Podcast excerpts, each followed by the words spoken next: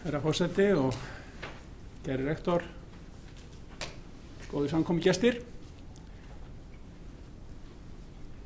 Þegar Guðmundur Sæminsson bað mér um að halda hér erindi, þá, þá var hugmyndin eiginlega svo að ég myndi tala svona um siðfræði og, og, og siðferði, en mér fannst ómögulegt annað en að bæta íþróttunum við, þannig að ég myndi aðeins reyna að tengja. Sjálfur hafði ég ekkert hugsað mikið um um siðfræði íþrótta og mér heyrist nú að, að þeir rektor og fórsetin hafi jafnvel hugsað meira en ég með þeirra ágætu erindi. Og en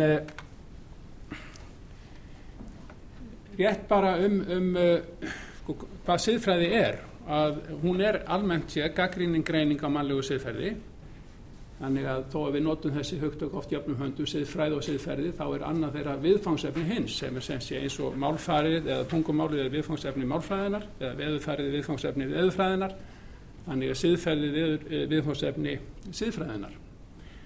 Og, og siðfræðin er þá með skipulega rannsók, oft í ljósi kenninga eða siðlögumála, á megin þáttum siðferðis gjarnan á tilteknu starfsvið og það er það sem við kallum hagnýtta siðfræði þegar verið er að, að, að skoða tiltekin svið mannlífsins og, og greina þau í ljósi megin hugmynda siðfræðinar og það, hannig er núna gjarnan talað um siðfræði stjórnmála siðfræði viðskipta eða heilbriðismála og eins og rektor nefndi réttilega áðan þá er farið að, að tala um siðfræði íþrótta ekki bara almennt heldur sem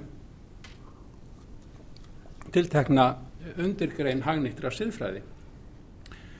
Og það má spyrja sig um tilefni þess og ég held að þau hafi þegar komið nokkuð fram. Það er náttúrulega tilefni siðfræðilegar hugsunar er gjarnan einhver þegar farið er á misvið þegar okkur er misbóðum einhverjum hætti og, og nokkur dæmi þess hafa verið rakinn Nú siðferðið er veruleiki samskipta og þannig erum við óhjákvæmilega siðferðisverur, við lærum auðvitað siðferðið í uppeldi af því að við erum að læra að haga okkur í, í samskiptum við annað fólk. Og í þessum samskiptaveruleika þá mótast siðir, þannig er þetta gríska orð ethos. E, ethics segjum við á ennsku eða etik á, á norrlandamálum um siðfræðina. Og ethos mun vísa bæði ymitt í siði og karakter. Etika og en í, í siðnum eða siðvenjunni eru gildismat og viðþorf sem hafa áhrif á framkomi fólks. Þannig má auðvitað tengja sem sé siðferðilega domgrend og, og, og framkomi við það sem að Sabína mun, mun, kalla, Sabína mun kalla hér á eftir félagsfærni. Þetta er færni í samskiptum. Og en siðfræðingar greina gjarnan megin þætti siðferðis í, í fendt það eru verðmæti eða við okkur kannski tamar að tala um gildi siðferðileg verðmæti e, siðareglur að sjálfsögðu digðir og lestir þar er karakterin og svo skildur og réttindi. Og það getur verið gaglegt að skoða þessa fjóra þætti aðeins nánar og þá með tilvísun til íþróttana Þegar við ræðum um, um það eru auðvitað margs konar verðmæti til, það eru til efnisleg verðmæti, andleg verðmæti og félagsleg verðmæti eða gildi. Og en hins siðferðilegu verðmæti eru hafa ákveðna sérstöðu. Við gerum oft í, í siðfræðinni greinarmun á raungæðum og synd, syndargæðum. Og þetta er raunar eitthvað sem okkur er tamt bara í, í almennu tali. Við tölum til dæmis um lífsgæða kapplöp, það er mjög aðlíkasverð hugtak og það er svona, það er írónist, það er kaltænislegt hugtak að við séum að eldast við lífsgæði en þau sé ekki raunveruleg það sé einhvers síndargæði en hvað eru þá raungæði? það eru þau gæði sem raunverulega stuðla að þroska og góðum samskiptum. Veru eftirsóknar verð þetta eru auðvitað gott orð líka. Þegar við segjum að eitthvað sé bara eftirsókt við, getum, við tölum um eftirsókn eftir vindi til dæmis, það eru síndargæði en það sem er eftirsóknar verð er eitthvað sem við höfum reynslu af og rauk fyrir að, að, að stuðli að góðum samskiptum og, og greiði fyrir þeim og séu þróskandi. Við þekkjum öll þessi gildi og við kennum börnum okkar þau. En síndagæðin eru þá þau sem virðast gera en reynast það ekki og, og við þurfum öll að fara í gegnum það er alveg sama hvað við reynum að held ég að alla börnun okkar vel upp flestir eða allir sennilega þekkja það að hafa rekið sig á hafa verið í eftirsókn eftir hlutum sem að reyndust síðan ekki skila okkur þeirri, þeirri lífsvellingu sem við, sem við sækjumst eftir. Og það er það sem við köllum náttúrulega þroska og, og, og, og lífsreynslu. Gildismatið þróast ein, einfallega í okkar eigin deglu okkar eigin lífs, það gerist ekki öðruvísi. Nú, ég held að íþróttir, þegar við tönum það, það er náttúrulega, það eru margvíslega gæði tengt íþróttum og íþróttum eru, íþróttir eru eitt af, eitt af því sem við getum tengt við menningarlega gæði, þau, þau gæði sem skerpa eiginlega eh, sem sé bæði skilning okkar og, og, og, og skemmtun og eru líka tengt helsugæðum, helbrið sáli hraustun líka, hann var nefnt hérna áðan, Þetta er auðvitað, við, við stundum kannski öll íþróttir einhver tíman á æfinni þó að við séum ekki beininnis í, í skipulaði íþróttastarfi, einmitt oft til þess að viðhalda helsu og styrkja hana. En hér eru við að ræða sérstaklega um siðferðisgæði og hvaða siðferðisgæði skildu vera mikilvægust í íþróttum. Uh, virðing kemur strax í hugan og, og maður sér ofta á knatsbyrnumöllum og jafnvel öðrum uh, íþróttavöllum nú til dags uh, spjöld með respekt og, og það, það er eins og, eins og alltaf þegar að siðferðið er til umræðu, það er vegna þess að það hefur einhver brotanum verið og í þessu tilfelli held ég að sé verið að einhver verið að vísa í kynþóttafordóma í íþróttum. Og eh, en síðan er það aðdeglisvert að veltaði fyrir sig hvað felur siðferðileg virðing í sér? Við, við sínum fólki virðingu stöður vegna við, við eh, virðum embætti fórsetta Íslands, það er félagsleg virðing en síðan auðsýnum við öllum, eða það er krafa um að sína öllum ákveðna virðingu, einfallega í krafti þess að það eru, það eru samborgarar okkar og, og, og það er fólk sem, eins og við. Og uh, þá algjörlega óháð stöðu litarhætti kyni, kynferði og öllu slíku. Við förum sem sé ekki manngreinin áli Þa, það er virðingar krafan og hún er alltaf mikilvæg og, og reynslan hefur sínt að hún er mikilvæg í íþróttum. Eh, síðarreglur eru, við tölum mjög og stundum kannski ofljótt um síðarreglur þegar við erum að tala um síðferðir. Eh, ég nefndi verðmætin fyrst vegna þess að verðmætin eru grundvöldurinn. Það er sem sé til dæmis verðmæti á borfið kærleika, virðingu, frelsi, velferð, þetta er allt saman grundvallarverðmæti og síðarreglunar hafa bara gildi vegna þess að þau standa vörðum þessi verðmæti. Þannig við mögum aldrei taka síðarreglunar bara eh, einar og sér úr tengslum við þessi verðmæti. Og við tölum stundum um bóð og bönn, hérna horfum við á síðferði sem ytra reglugerfi og bönn eru, bara hugsið ykkur bara hérna bóðurinn tíu, þau eru flest orðuð neikvægt, það er að segja sem bönn þú skalt ekki og, og, og við kennum bönnum okkar gætnan sem sé ekki að síkja, ekki ljúa, ekki stela, ekki, ekki mismuna og allt þetta, við, þetta eru grundvallar atriðið siðferðisins og, og þarna er vegna þess að við viljum vernda ákveðin verðmæti sem eru mikilvægt til þess að stöðla að góðu mannlífi. En svo eru líka bóð sem hvetja til góður að verka. Það er stundum sagt að bönnin varði réttlætið, bóðin varði kærleikan og grundvallarbóði er kannski að, að hjálpa öðrum, hjálpa nöðstötum, hjálpa þeim sem eiga undir högg að sækja. Og uh, siðfræðin greinir þetta líka þannig að, að, að bönnin séu sjálfsögð ef maður kemur heim í lók dags og, og hælist af því að hafa látið það ógjert að ljúa, stela eða mismuna yfir daginn þá er spurning hvert maður er að koma. En, en það, þann, þannig að þetta er sjálfsagt. Það er ekkert lofsvert við það en það er hins vegar lofsvert að fara umfram þessar lámarskröfur og, uh, og, og, og til dæmis að, að veita fólki hjálparhönd og síðan er oft sagt að það sé lofsvert að láta þess síðan ógetið ef maður hefur gert það.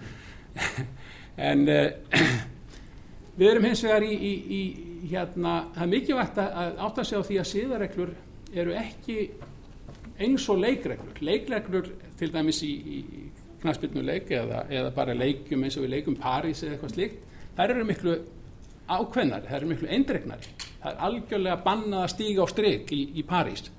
Eða það er bannað að taka boltan með höndun í, í fótbolta maður sé í marki.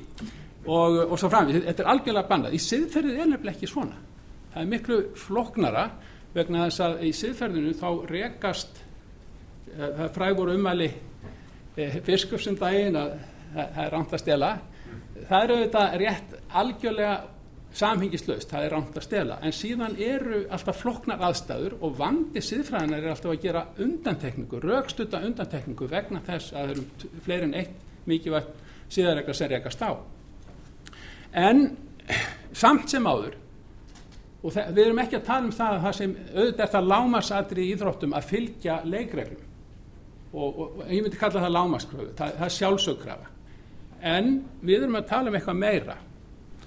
Það er ekki bara að hafa ekki rámt við það er þetta fair play sem er mjög gætnan er vísa til það er þessi grundvallar kannski réttlætiskrafa íþróttana heldur að fara umfram það sína samstöðu, styðja liðsfélaga sem kann að eiga undir höggar sækja gefa boltan ekki, ekki bara sóla samgleðjast árangri. Þetta getur, þetta, þetta getur verið erfitt meðan fólk er í samkeppni og, og hérna, þetta reynir nefnilega mjög á, mann, á siðgjörf okkar á karakterin að, að, að svona stíga þetta er að vissuleiti að sigrast á, á sjálfinu sem er eigingjant í grunninn og, og, og geta, geta deilt eh, í einlægni og gleði með örum og þarna held ég að sé kannski þátturinn sem við ræðum mest um í tengslu við íþróttir. Það er þessi þriði þáttur siðferðisinn sem eru digðir og lestir.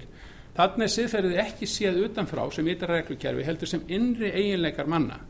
Þarna er siðgerðin eða manngerðin eða karakterin og hafa rætt, rætt, rætt einmitt um á, á eftir sínum karakter.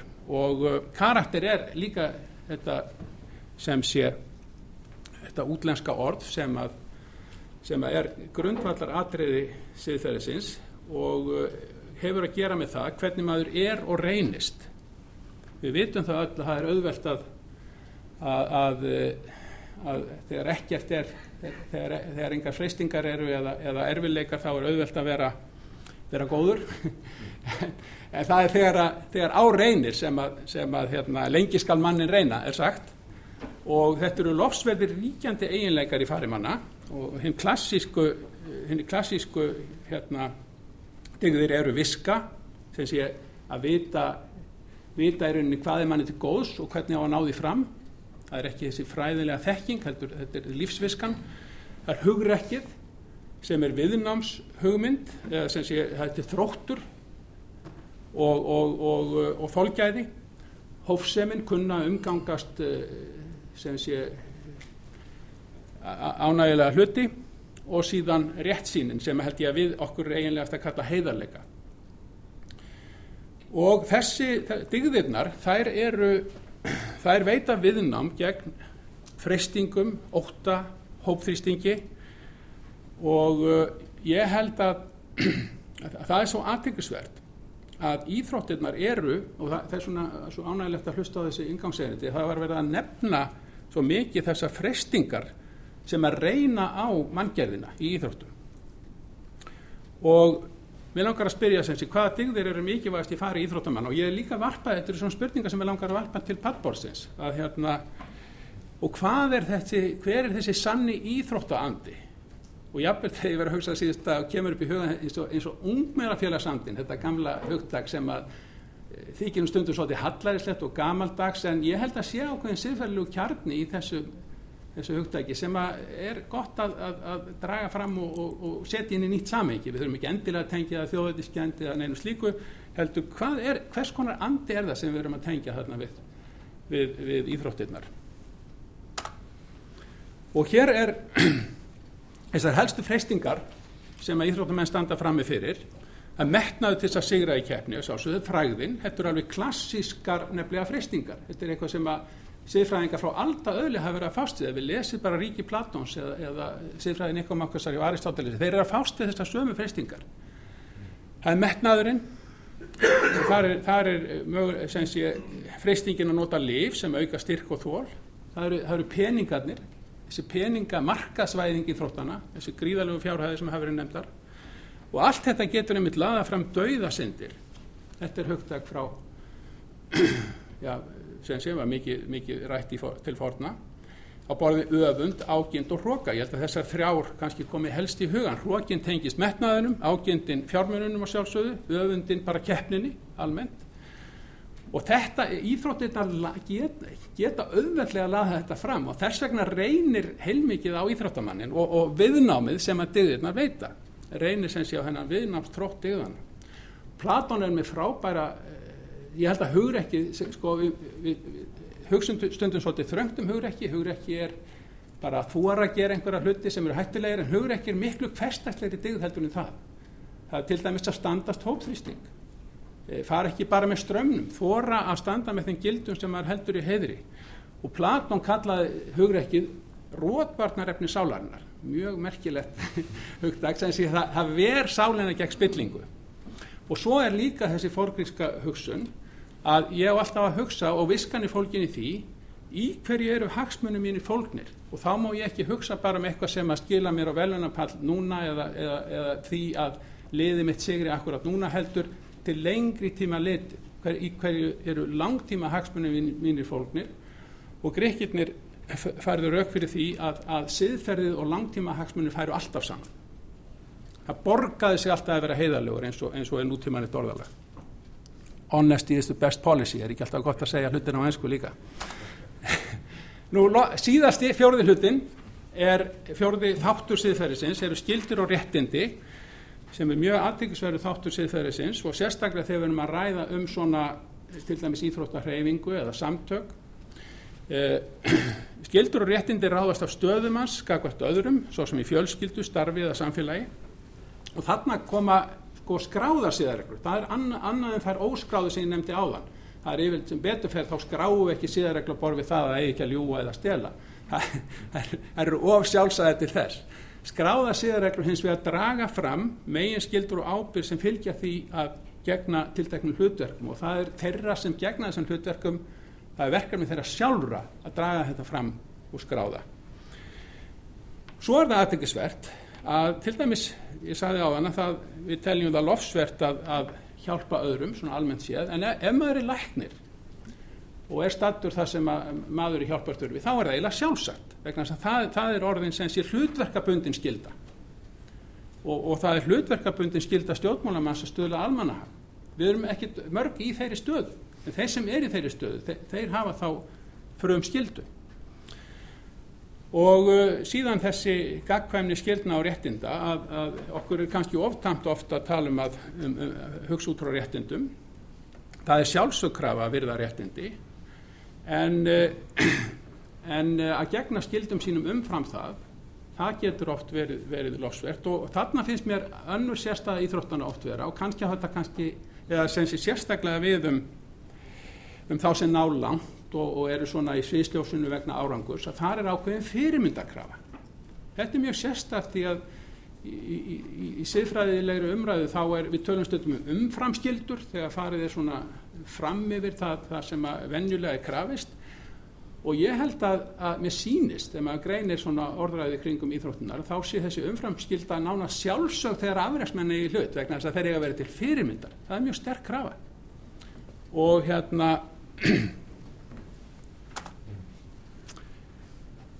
Ég held að sé rétt að víkja aðeins líka bara í lokin að, að ekki bara einstökum íþróttamönnum heldur íþróttarhefingunni.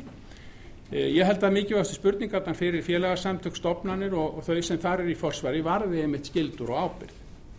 Og, og mér til ánægið þegar fór svona aðeins að skoða e, sviðið að þá hafa mörg íþróttarsamtök kærlendis greinlega sett sér siðareglur og, og e, mér finnst það ekki, mikilvægt ekki vegna þess endilega þarna sé plagg sem að hægt er að vísa til þó að það geti auðvitað verið gaglegt heldur vegna að ég gerir ráð fyrir því að, að þetta plagsi lifandi. Að, að fólk ræði það hvað, er inn, hvað er inntækið í þessum reglum og, og, og hvaða hlutverkið að gegni vegna að það skerpir skilningin á, á hlutverkonum og, og skýrir þau. Og án þessa skilnings eru reglunar gagslillar það er ekki gott bara að tilenga sér einhverja reglur sem aðrir hafa sett.